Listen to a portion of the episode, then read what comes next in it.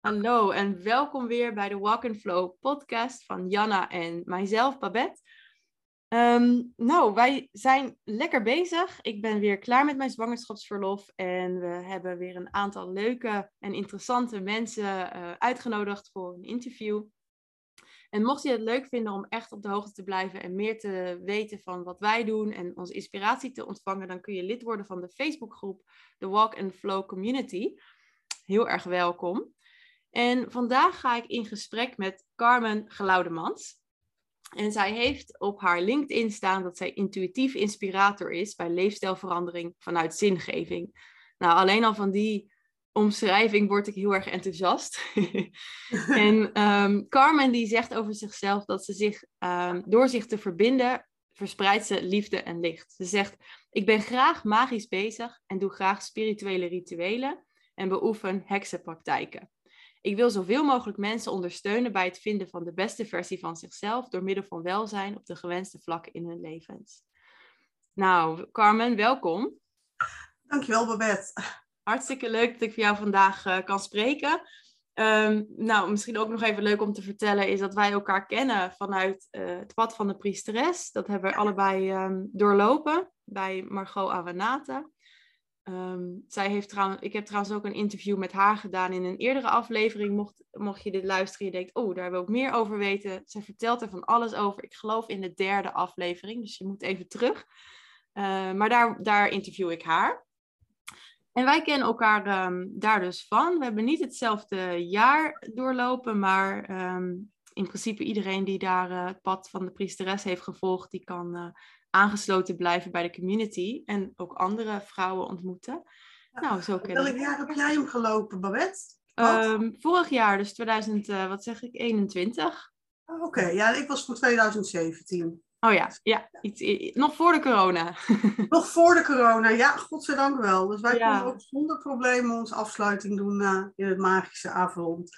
Ja, nou dat is, uh, dat is voor ons dus uh, deels, een deel van mijn groep heeft het al gedaan in juni dit jaar en een deel waaronder ik gaat in september. Dus we hebben het over de, ja, de afsluitende reis naar Avalon slash Glastonbury. Dat is het, het einde van het pad van de priesteres. En door corona is dat helaas voor onze groep in elk geval, en de groep voor ons ook, uitgesteld. Maar um, ja, wat ik net over jou vertelde, um, even kijken hoor, jij, zei, of jij zegt over jezelf, je doet graag spirituele rituelen. Ja. Kun je daar eens wat meer over vertellen? Ja, eigenlijk zie ik het hele leven als iets bezield en als iets magisch. En uh, ik, ik hou van rituelen op elk vlak dan ook. Of het nou mijn ochtendroutine is, die ik eigenlijk een ritu ochtendritueeltje noem. Of um, zoals gisteren een dag met een andere sister van ons, Rosanna, uh, Aqua di Florida maken. Gewoon lekker magisch bezig zijn. Kun je misschien uh, uitleggen wat dat is? Want ik, ik, weet niet of iedereen weet wat, wat dat betekent.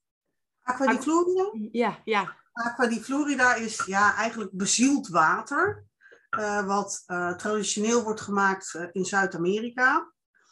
En Rosanne heeft dus het een van de traditionele recepten mogen, mogen meenemen en mogen, mag ze delen met vrouwen. Het is echt een vrouwending. Um, en dat hebben we gisteren dus zeg maar met een aantal dames gedaan. En uh, prachtig Aqua di Florida gemaakt. Hij staat nu te rijpen in de kast. Dus twee weekjes geduld en af en toe een beetje voorzichtig laten zwemmen. Ja, noem dat? Dansen in de pot, zeg maar. Een beetje swirlen, niet schudden, want dat is veel te agressief voor een Aqua di Florida.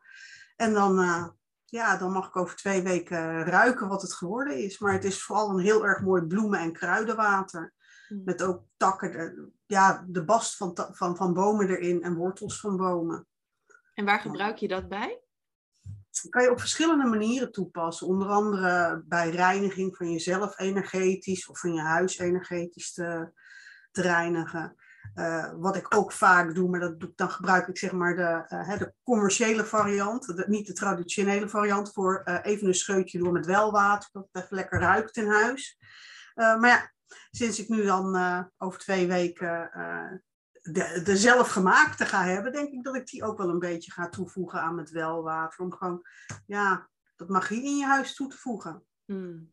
Wat alleen wel belangrijk is, daar toch over gesproken, je maakt je huis dan schoon. En een schoon huis is uitnodigend voor de goede dingen, maar ook voor de minder leuke dingen. Dus is het ook altijd belangrijk om daarna weer een bescherming op te trekken. Dat is dan iets wat ik als heks zijnde toch even mee wil geven. Want heel veel mensen vergeten dat. Ook de minder leuke entiteiten, die huizen graag in een schoon huis. Dus dan is het belangrijk om de boel ook weer uh, te beschermen. Dus je maakt schoon en je beschermt. Hmm. En hoe zou je dan dat, dat beschermen, uh, hoe doe je dat? Als je, als je je huis hebt schoongemaakt daarna? Ja, dat kan je op verschillende manieren doen. De makkelijkste, maar dat kan dus niet als je huisdieren hebt, is om in elk hoekje van elk vertrek een potje zout neer te zetten en dat regelmatig te verschonen. Mm. En dat, dat zout dat gooi je dan ook weg buiten je huis als je het verschoont. Want daar zitten dan de hè, zogenaamde uh, negatieve energieën in. Mm. En als je het lang genoeg sorry, laat staan, dan ga je het ook zien in het zout. Dat er negativiteit in gaat zitten. Oh, vertel. Nu ben ik nieuwsgierig. Hoe zie je dat? Wat gebeurt er? Uh, dan gaat het heel erg klonteren. Oh ja. Normaal wordt het, blijft het zeg maar... Ik gebruik wel altijd um, zeezout, hè, grofkorrelig. Maar dan, dan, dan worden het ja, vieze klonten. Het wordt gewoon een beetje viezig, zeg maar. En je denkt van, nou, volgens mij mag ik mijn potje wel eens gaan, gaan zuiveren. Hmm. Dus eigenlijk moet je het vergelijken met, uh, heet die man nou? Met dat waterexperiment. Um, oh ja, dat met die kristallen, dat je liefde of juist negatieve precies. woorden erop uitspreekt, dat het heel precies. verschillende kristallen geeft. Ja, en, en, als jij lief bent tegen water, worden de watermoleculen heel erg mooi. Ben je lelijk tegen je water, worden het hele onregelmatig. Lelijk vind ik een naar woord, maar minder mooie um, moleculen, zeg maar, op, als je ze uitvergroot. En zo is dat met dat zout ook. Het wordt, blijft gewoon zout als het gewoon zuiver is. En op het moment dat het vuilig wordt, dan, dan zie je dat. Mm. Ja. Dat, ja, dat zijn maar een paar van de heksen dingen die, die ik doe. Ik vind het ook heel erg leuk om te orakelen. Wat voor um, orakelmethode gebruik je? Mijn favoriet is roetlezen. Roetlezen? Ja. Wauw, dat hoor je niet veel. Nee, dat hoor je inderdaad niet veel. En ik kende hem ook niet totdat ik van mijn um, hoogpriesteres jaren geleden dat leerde. Uh, was gelijk liefde op het eerste gezicht. Dat was in 2000, moet ik het goed zeggen? 2000, begin 2014 is dat geweest. Het is in principe voor mij heel simpel wat je doet. Je hebt een kaarsvlam, of het nou een vaccinelichtje is om een kaars. Een stukje papier. Je pakt dat papier vast, je houdt dat boven de vlam niet te dicht, want dan vliegt het in de fik. Dat is niet de bedoeling. Maar ook niet te ver eraf, want dan gebeurt er niks. En dan ga je je papiertje intuïtief gewoon bewegen. En zelfs als je probeert te sturen, het werkt niet. Dus luister maar gewoon en doe het intuïtief. En dan draai je hem op een gegeven moment, als jij denkt het is klaar, dan, dan draai je het om. En dan ga ik lezen wat jij hebt gecreëerd. Ik doe dat dus niet voor een ander. Het lezen wel, maar het maken van de tekening doet de persoon uh, in kwestie zelf. Hmm. Dus jij hebt dan uh, een soort consult, zeg maar, dat je aanbiedt? Ja, dat kan, ja. Hmm. Maar ook theeblaadjes lezen of gewoon orakelkaarten. Hmm. Ja. ja, want um, we, we, waren al eventjes in gesprek met elkaar voordat we uh, op de um, record-button drukten. Ja. En toen vroeg ik jou, um, noem jij jezelf coach? En uh, nou ja, dat, je hebt het antwoord al gegeven aan mij, maar misschien wil je dat toch een keer zeggen, want uh, de, de luisteraars hebben dat nog helemaal niet gehoord. Ja, misschien dat het voor andere mensen wel zo voelt, maar voor mij klinkt coach als een containerbegrip waar je eigenlijk praktisch iedereen in kan gooien. Ik denk dat we alle, al, altijd allemaal wel eens voor iemand een coach zijn in het leven. Um, dus dat vind ik een beetje uitgehold inmiddels ook begrip. Dus ik coach wel mensen, maar ik zie mezelf niet als coach. Nou ja, dan ga je naar leefstijlcoach of ondersteuner. En dat vind ik ook ondertussen een uitgehold begrip. Want zo noemt ook Jan en Alleman zich. En um, ja, toen ben ik eens te raden gegaan in mezelf. Nou ja, dat noemde ik net ook al. Uh, soul searching of soulstormen. En uh, ja, toen kwam ik op de term intuïtief inspirator, want dat is eigenlijk zoals ik mezelf zie. Ik ga niemand vertellen hoe hij zijn leven, hij, hij zijn of haar leven in moet richten, maar we gaan samen bepalen wat de wensen zijn. Dan ga ik de zingeving erachter met die mensen onderzoeken, zodat ze hun eigen intrinsieke motivatie kunnen vinden. En daar inspireer ik bij. Ik motiveer niet, ik inspireer. De motivatie mag je zelf doen. Ja, ja, mooi gezegd. dat het echt vanuit binnenuit komt, die motivatie, die, echt die intrinsieke motivatie. Ja, want anders uh, kom je eigenlijk nergens. nee, dan, dan, dan blijft het een, een gevecht, zeg maar. En, en ik vind het wel belangrijk dat, uh, ik doe heel veel met, met voeding, dat je niet het idee hebt dat je iets moet of iets niet mag. Dus dat het een dieet is, maar het is een leefstijl. En vandaar die leefstijlcoach, dat, dat, daar neigt het wel naar. Maar ik vind dat ik hem net iets anders invlieg door de, de, de zingeving er zo in te betrekken. Hmm. Want ik kan wel denken, ik zie iemand, oh, die, die wil ehm, meer uh, kracht krijgen. Maar dat is niet aan mij. Wat wil de ander? En dan ook vooral dieper zoeken, waarom wil je wat je wil? Hmm. Oké, maar waarom? En dan het antwoord wat ze hebben gegeven wil je dat? Zodat je ja, een laag of zeven diep gaat zoeken naar, naar de kern van, van hun wens. En zodat je ze daar steeds aan kan helpen herinneren met de inspiratie. Zodat ze bij hun intrinsieke motivatie kunnen. Ja, en dat doe jij voor anderen. En hoe is dat voor jou? Waar, waar ehm, ligt jouw motivatie? Of waar, um, wat is voor jou zingeving in jouw leven? Zingeving in mijn leven? Oeh, moeilijke vraag. Ehm, ja, mijn zingeving zit eigenlijk op het vlak dat ik uh, mensen wil helpen het beste uit zichzelf te halen. Um, en mijn uitdaging daarbij is gelijk om het bij de mensen te laten. En dus niet inderdaad in hun motivatie te gaan zitten, want dat is aan hun, maar wel te inspireren. En um, ja, voor mezelf is het heel fijn als ik naar mijn eigen ehm, motivatie ga kijken om een vision board bijvoorbeeld te hebben. Uh, op verschillende termijnen. Een long-term vision, maar ook een short-term vision. En ja, nou, de kortste termijn is natuurlijk, hè, qua vision ga ik niet korter dan een dag, maar uh, dat, hè, dan vind ik het al een hele korte termijn. Uh, maar vision boards voor over het komende half jaar, ja, daar heb ik er wel een aantal van. Ja. Wil je daar iets van delen? Wat jij op die vision boards hebt staan? Wat je graag zou... Ik draai me even om. Ja. Uh, oh, ik heb hem gestopt, zie je.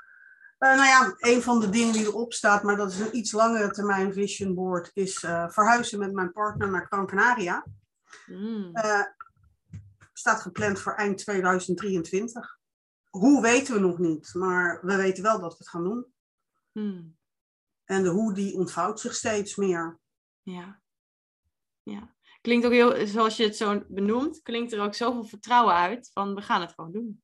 En dat hoe, dat zien we dan wel. Ja, nou, zo voelt het ook. Ja. En dan vragen mensen ook regelmatig van ja, hoe gaan jullie dat dan doen? Hm, weten we nog niet, maar het gaat komen. Het gaat zich ontvouwen. Ja. En uh, dat het gaat gebeuren, dat weten we. Ja, en dan is van ja, hoe, hoe ga je dat dan doen? Ja, weten we niet. Misschien zijn we met een jaar terug omdat financiën op zijn. Ja, dat zien we dan wel, maar we gaan in ieder geval. Nou, dat is mooi, want wat ik ook veel om me heen zie en bij mezelf soms ook herken, is dat, dat je wat een bepaalde droom hebt en dat je heel snel de beer op de weg ziet. Inderdaad, je zou kunnen denken, oh, maar uh, hoe noemen we dat dan financieel? Uh, of, uh, of ja, je kan van alles bedenken, allerlei beren op de weg zien. Maar ja, zo was die bij ons. Ja, maar zo was die bij ons ook. Ik bedoel, vorig jaar uh, ging Castlefest een van onze vaste zomeractiviteiten van uh, mijn partner en mij, die we als vrijwilliger doen, uh, niet door. En toen heeft hij wel gewoon zijn vakantie laten staan. En toen zaten we in de tuin en toen hadden we zoiets van, eigenlijk wil ik hier gewoon weg. Ja, maar dat roepen we nou al, ik weet niet hoe lang. En het blijft maar over vijf jaar, over vijf jaar. Misschien moeten we gewoon een datum prikken. En toen zijn we heel praktisch gaan zitten. Oké, we hebben twee kinderen. Die is nog zo lang bezig met zijn school. Die is nog zo lang bezig met zijn studie. Wanneer is het goede moment? Ja, wanneer het goede moment is, weet je niet. Maar wanneer is het eerst haalbare moment? Oké, eind 2023 moet gewoon kunnen. Dan is onze jongste, die eh, is als het goed is aan het studeren. Waarschijnlijk in Groningen. We gaan het zien. Hmm. Eh, en dan zit ze daar ook al een tijdje op kamers. En dan hebben we kunnen, kunnen vanaf de zijlijn, zijlijn kunnen kijken hoe dat gaat. En ehm, de oudste, die is dan uh, halverwege zijn afstuderen. En dat, dat voelt als een moment dat dat moet kunnen. Ja. Dan zijn ze ook uh, eind 2023, dan zijn ze 20 en uh, 23. Mm. Dus ja, wij doen het anders dan de meeste mensen. De meeste mensen, daar gaan de kinderen uit huis, maar hier gaan papa en mama uit huis. ja, mooi gezegd. Maar ook wel weer mooi hoe jullie eigenlijk tot, dat, tot zo'n heel praktische stap kwamen. Of eigenlijk dat je dat vastpint op een datum, op het moment dat er ineens een leegte viel, doordat een, een evenement niet doorging. En dat jullie toen ineens een soort van de ruimte hadden van, oh ja, hè, we hebben dat al heel lang in ons hoofd, maar het bleef altijd een beetje vaag van ergens in de toekomst. En nu hebben jullie het heel concreet gemaakt, of in elk geval de, de tijdsplanning concreet. Ja, klopt. En dan heb je ook iets om aan, aan vast te grijpen, als het ware. Ja, klopt. Nou ja, en, en over kortere termijn, we gaan in september gaan we uh, drie weken weer terug naar Gran Canaria. We zijn in uh, februari, maart zijn we een maand geweest. Gewoon om te kijken hoe het daar is. Heel praktisch. Ik had zoiets van, oh, het noorden is, is net wat koeler en het is wat groener. Passender bij mij als hè, natuurmeisje. Ik wil daar zitten. En we zaten daar en binnen een week had ik zoiets. En ik geloof niet dat dit de goede plek voor mij is om hier op dit eiland te zijn. Ja, ik wil op Gran Canaria wonen, maar niet hier. Hmm. Dus nu gaan we het andere uiterste doen. Gaan we in bij, bijna het zuidelijkste puntje zitten. Op een heel heet moment in het, in het seizoen daar. Om te kijken hoe dat dan is.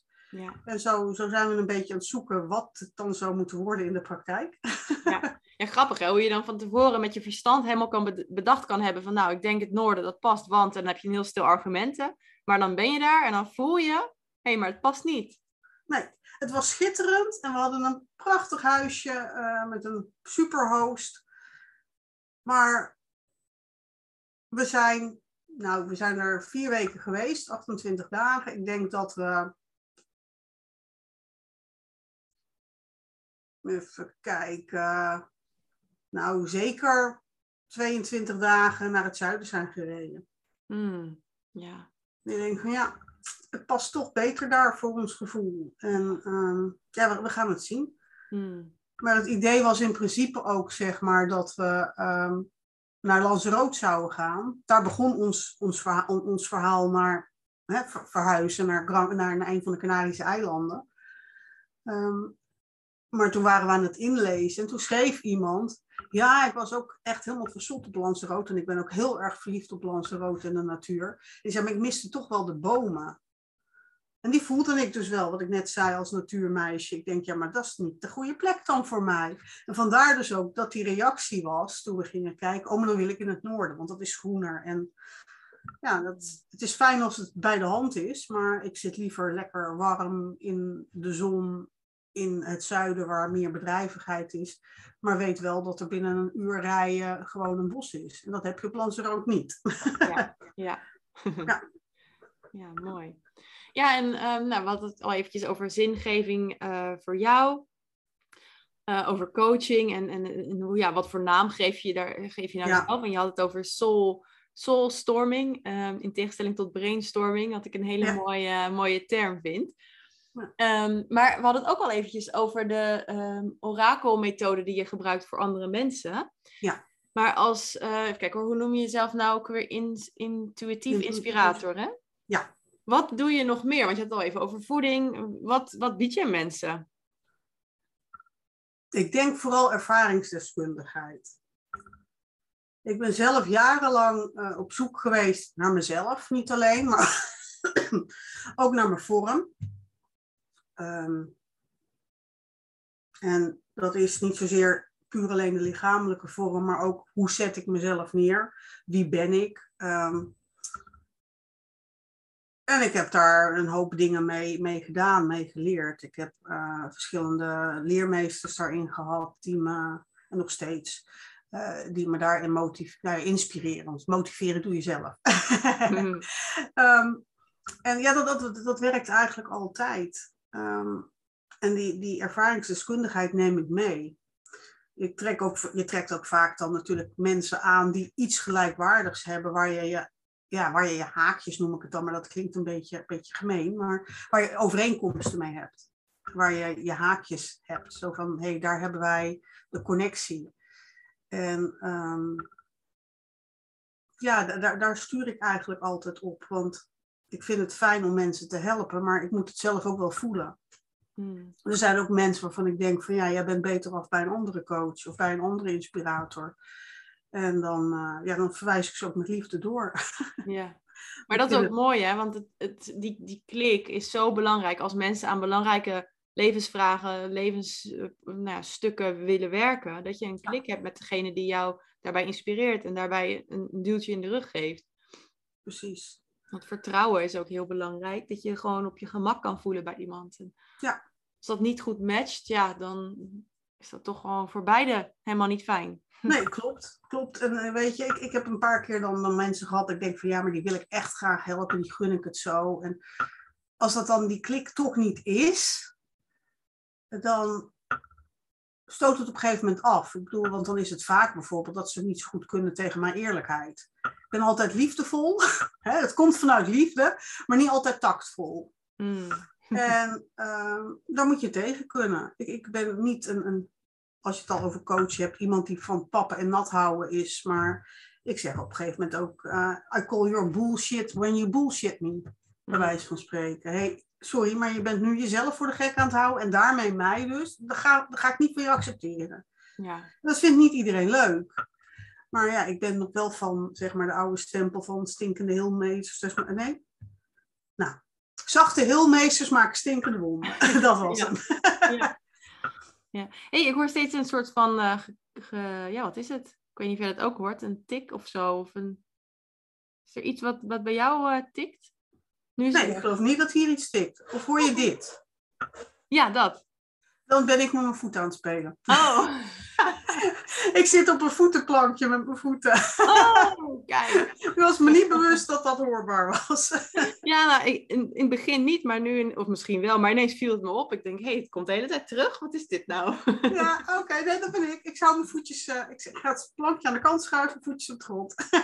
ja, ik wou zeggen, anders dan horen de luisteraars hoe goed je je voeten in bedwang hebt. Want als je elk tikje dat je hoort, dan weet je dat het weer gebeurt. ja, precies. Nou ja, het, het is, ja, ik neem mijn voet heb ik niet in bedwang. Ik ben ook iemand die slecht stil kan zitten. Dus oh ja. dat, uh, Vandaar het voetenbank. Jij ziet dat ook, denk ik. Want ik zit de hele tijd heen en weer te wiebelen. ja, maar dat hoor je niet. Dus dat scheelt nee, dat is waar. Dat is waar. Ja. Maar um, even denken hoor, waar waren we nou? Ik vind dat wel heerlijk om mezelf een beetje af te laten leiden. Maar ik wil ook weer terug naar het gesprek. um, ja, ik, ik, vroeg je in eerste instantie ook van wat, wat bied je mensen? Je had het over uh, ervaring, ervaringsdeskundigheid. Ja. Um, maar je vertelde ook even tussen neus en lippen door de, uh, het stukje over voeding. Dat je mensen, ja, ja leefstijl, coaching, als je het zo zou noemen. Um, wat, wat doe je daar precies uh, in? Nou, ik ben zelf uh, in aanraking gekomen met een superfoodsysteem, wat mij enorm heeft geholpen. Daar ben ik super enthousiast over. En na een tijdje het alleen maar gebruikt te hebben, um, help ik daar mensen nu ook mee. Uh, als dat past bij hun wensen. Iedereen kan bij mij terecht voor coaching, hè, als we het dan coaching noemen. Um, en waar dat ook in, van invloed kan zijn uh, op, op, op je voeding, bied ik het aan. Het is nergens een voorwaarde. Dus, maar ja, ik ben er zelf super enthousiast door en mee. Dus ja, ik, ik, noem het vaak wel. En dan is het aan de mensen of ze het wel of niet willen gebruiken. En dat is soms ook gewoon in eerste instantie niet en later wel. Ja. En dat is helemaal oké. Okay. Of ook als het een helemaal nee is, is ook helemaal oké. Okay. Hmm. Ja. mooi dat je dat inderdaad vanuit eigen ervaring ook doet. Want um, jij hebt het uitgeprobeerd. Het heeft voor jou heel erg geholpen. Dus je ja. weet wat het kan doen. Um, dat is eigenlijk gewoon het beste wat, wat iemand dan kan hebben. Om bij jou nou, die ervaring te kunnen. Ja. ja, klopt. Mensen vragen ook heel vaak van wat doe je? En ik heb dan zoiets van ja, ik kan wel vertellen wat ik doe. Namelijk een superfood systeem promoten. Um, maar ik vind het veel belangrijker om het te hebben waarom ik het doe. Hmm. En dat is omdat het mij zo enorm heeft geholpen. En dan kan ik je mijn verhaal vertellen. Wat het allemaal voor mij heeft gedaan en wat het voor mij heeft gebracht. En dan wil ik je best vertellen hoe het in elkaar zit. Maar ik vind dat een veel interessanter verhaal dan te vertellen, ja, ik promote een superfood systeem. Ja. ja. Want het gaat mij niet om de sales, het gaat me om het helpen van de mensen. Ja, en dat is ook denk ik wat heel belangrijk is voor de mensen. Want uh, die kunnen ook heel snel een soort van het gevoel hebben dat iemand iets probeert te verkopen. Terwijl, en als dat zo ook zo is, als iemand ook daadwerkelijk gewoon vooral probeert te verkopen, dan voelen mensen het ook haar fijn aan. Terwijl als het echt gaat om die, nou ja, we hadden het over intrinsieke motivatie om een ander te helpen. En of dat nou via dit superfood systeem is of op een andere manier, dat maakt dan niet uit. Nee, nee precies. En dat, dat, zeg ik ook als mensen gewoon puur vanuit de zingeving, het zoeken van een hulp bij zingeving, een, hè, een intuïtief inspirator zoeken, zijn ze bij mij welkom. Uh, of het nou met of zonder het superfood systeem is. Hmm, ja. Het gaat voor mij om het helpen van de mensen. En ik denk dat voeding daar een belangrijk onderdeel van is, maar het is niet zaligmakend. Wat daaronder ligt altijd, en dat heb ik zelf ook ondervonden, is je zingeving. Voor jezelf heel duidelijk in je kern weten wat je wil en waarom je het wil.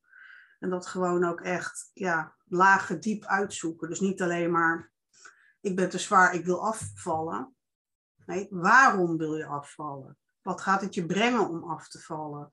En steeds gewoon een laagje dieper, zodat je zeg maar eigenlijk als een ui die je pelt naar de kern gaat. Hmm. Yes, en um, nou ja, jij, jij zegt ook, uh, of je bent ook met hekserij bezig. Um, en klopt het dat je dan ook in een coven zit, of ben je solitaire heks? Ik ben heel lang solitair heks geweest. Um, tot 2013, toen ben ik, uh, zijn we, nou, we, nee, Luna Dea, een van de opperheksen in Nederland, noem ik hem maar even, die uh, is toen een eh, meerdere coffins gestart, onder andere tax, Coven Taxus, en daar was ik dan samen met een aantal anderen lid van. Um, maar ondertussen ben ik ook weer solitair heks.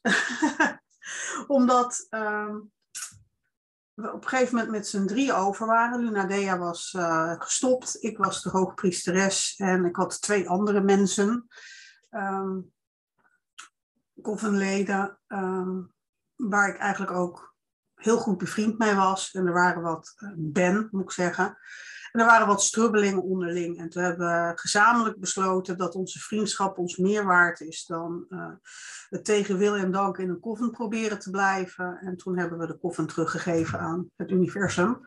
Um, we hebben nog wel de Taxus jaarfeestvieringen. Uh, maar we moeten even kijken hoe dat nu vorm gaat krijgen of gaat blijven hebben. Uh, of ook daar een eind aan komt. Maar dat, dat gaan, gaat de tijd ons leren. Mm. Ja, en jij hebt natuurlijk dus ook het, het pad van de priesteres uh, gedaan. Wat, is er voor jou een verschil tussen een heks en een priesteres? En zo ja, uh, wat dan? En, en waar voel jij je dan meer, ja, hoe voel jij je meer als het ware? Ik ben echt een heks. En ik doe regelmatig priesteressenwerk. Zo zie ik het. Um, mensen zeggen ook wel eens, kun je heks worden? Dat kan vast. Uh, maar voor mij was het echt zeg maar een zoektocht. We hadden het al over wie ben ik nou zelf. En dat, dat zoeken. Uh, ik vond mijzelf in de hekserij terug. Ik had altijd bepaalde gedachtegangen, ideeën over dingen die eigenlijk met de merendeel van de mensen om mij heen niet matchten. Totdat ik inderdaad in contact kwam met een aantal heksen. En toen had ik zoiets van, hé, hey. en toen ben ik eerst heel lang solitair het, aan het brouwen geweest en aan het zoeken geweest naar mijn eigen heksenidentiteit. En op een gegeven moment merkte ik dat ik vastliep, althans vastliep, niet verder kwam en daar uh, graag een koffen bij wou. En ondertussen liep ik toen al, uh, ik geloof een twee, tweetal jaar mee met de jaarvieringen die Luna Wea toen ook deed. En toen zij dus inderdaad aangaf dat ze meerdere koffens zou starten, heb ik mij aangegeven, opgegeven, zeg maar, van joh, ik zou mm. dat ook wel willen. Ja, Leuk dat je haar noemt, want ik ben ook met haar in gesprek om ook een interview te doen voor deze podcast. Dus uh, ja. nou ja, wie weet. ja, leuk. Ja. leuk. Ja. Ja. ja, zij is gewoon voor mij mijn heksenmama, zeg maar. Zij heeft mij um, heel veel geleerd. En um, daar zal ik er ook altijd dankbaar voor zijn. En zij is gewoon echt een heks, maar zij houdt zich vast in haar dagelijks leven nog wel bezig, ook met, met heksenactiviteiten. Maar ze is vooral op dit moment schrijft ze natuurlijk over haar uh, heksenpad en heksen, zaken. Mm. Dat, uh, ja. Nou ja, ja je, je vraagt je dat misschien af, maar ik ben momenteel een uh, jaaropleiding bij haar aan het doen uh, van traditionele hekserij. En volgens mij is ze daar flink druk mee, want er zit echt ontzettend veel. het is online, behalve dan aan het eind. Um, maar het is ontzettend veel inhoud en elke maand komt er weer een module vrij, zeg maar. Ja. En ja, met, met, met heel veel pdf'jes en teksten, maar ook met video's en met allemaal opdrachten en dingen. Dus, ja, ik weet dat ze inderdaad ook heel erg druk is met haar jaar, jaar, jaarviering, jaartraining. ja, ja. Uh, en daar blijft ze aan, aan, aan het schaven. Dus dat, uh, dat, dat, dat geeft haar ook veel werk. Maar ze vindt het schrijven daarvan, van die teksten, dat, dat, wat ik van haar heb begrepen, dat geeft haar op dit moment het meeste voldoening. En het begeleiden natuurlijk van de mensen die dat doen. Mm -hmm. Uh, maar prioriteit is het schrijven. Maar schrij zij laatst ook inderdaad uh, dat ze aan het schrijven van de boeken minder toe komt dan dat ze zou willen, omdat ze zo druk is met de jaar, jaartraining. ja. ja. Kan ik ja. me wat bij voorstellen. Als ik kijk naar wat er allemaal uh, voor ons een aanbod is wat betreft de jaartraining, dan begrijp ik dat helemaal. ja. ja. Nee, maar goed, dat uh, over haar meer hopelijk in een volgende aflevering. Dat. Ja, dat zou leuk zijn, ja. Ja, zeker. Um, even kijken, wat wil ik jou nog vragen? Mm... Nou, ik, ik ben even leeg. Heb jij, heb jij iets wat je nog zou willen zeggen, wil delen? Um, mij wil vragen, dat mag ook. Nee, ik was even inderdaad aan het kijken. Maar volgens mij alles wat ik zelf had gezegd van god, dat wil ik eigenlijk wel um, voor het licht brengen. Dat is aan de orde geweest. En uh, je had natuurlijk ter voorbereiding ook wat, uh, wat openingsvragen en dat soort dingen gestuurd. En ik had zoiets van, oh ja, dat zou kunnen, dat zou kunnen. Maar die vond ik niet echt specifiek heel belangrijk om te, om, om te noemen. Maar een van de dingen die ik hier heb staan, wat was je knuffel? het verleden. ja. ik, uh, dat kunnen de mensen niet, uh, niet zien, want het is een podcast. Maar ik heb hier een hele oude teddybeer met een uh, kaal geknuffeld snuitje en oren. Maar dat is de beer die ik heb gekregen naar zeggen van mijn moeder toen ik geboren werd. Hmm. En hij doet het nog steeds na 52 jaar, dus dat is wat. Maar mijn favoriete knuffel destijds was Volgens mij kwam die bij de Nesquik vandaan, die, die chocoladepoederbussen. Een een of ander konijn met hele lange oren. Dat kan ik me nog heel goed herinneren. Die, die oren die waren ook helemaal kaal geknuffeld, net als bij mijn beer. Maar de pootjes waren ook afgesleten, want dat was echt zo'n hele lange, met hele lange benen ook. Dus die sleepte steeds over de grond, want ik hield hem vast aan zijn oor. Oh ja. die, die pootjes die waren helemaal doorgesleten. Ja, dat, dat is wel wel grappig. Vond ik zo'n grappige vraag die ertussen stond. Ik denk van, oh ja, dat is wel een grappige. nou, dat is wel grappig, want um, wij, uh, Janna en ik, hebben helemaal aan het begin, toen we de podcast starten, inderdaad een aantal standaard vragen bedacht. En in het begin hebben we die echt best wel, die gingen dan inderdaad over verleden, heden en toekomst. Ja. En in de eerste gesprekken hebben we dat best wel uh, aangehouden. Gingen we ook gewoon die vragen echt langs. Dan hebben we al die vragen, oh ja, of welke vind ik nu leuk? En niet Ja. allemaal, maar... Maar naarmate we meer afleveringen zijn gaan maken, zijn de gesprekken steeds spontaner eigenlijk gegaan. En dat vind ik, dat past in elk geval bij mij ook wel heel erg, dat ik gewoon lekker dat loslaat. En ik ga het gesprek gewoon aan en ik zie wel waar het precies heen leidt. En ik heb natuurlijk wel een beetje een, een leidraad of een idee van, nou hier wil ik het graag over hebben. Ja. En, uh, maar ik had jou blijkbaar dus nog wel de, alle vragen al toegestuurd. Dat wist ik, dat wist ik Ja, maar weet je, we zijn natuurlijk al even bezig. Hè? Ik bedoel, de eerste mailwisseling was 4 januari. Oh, kijk, ja. Nou, kun je nagaan. Ja, we zijn inderdaad al een tijdje bezig om, om wat af te spreken. Toen had ik mijn zwangerschapsverlof.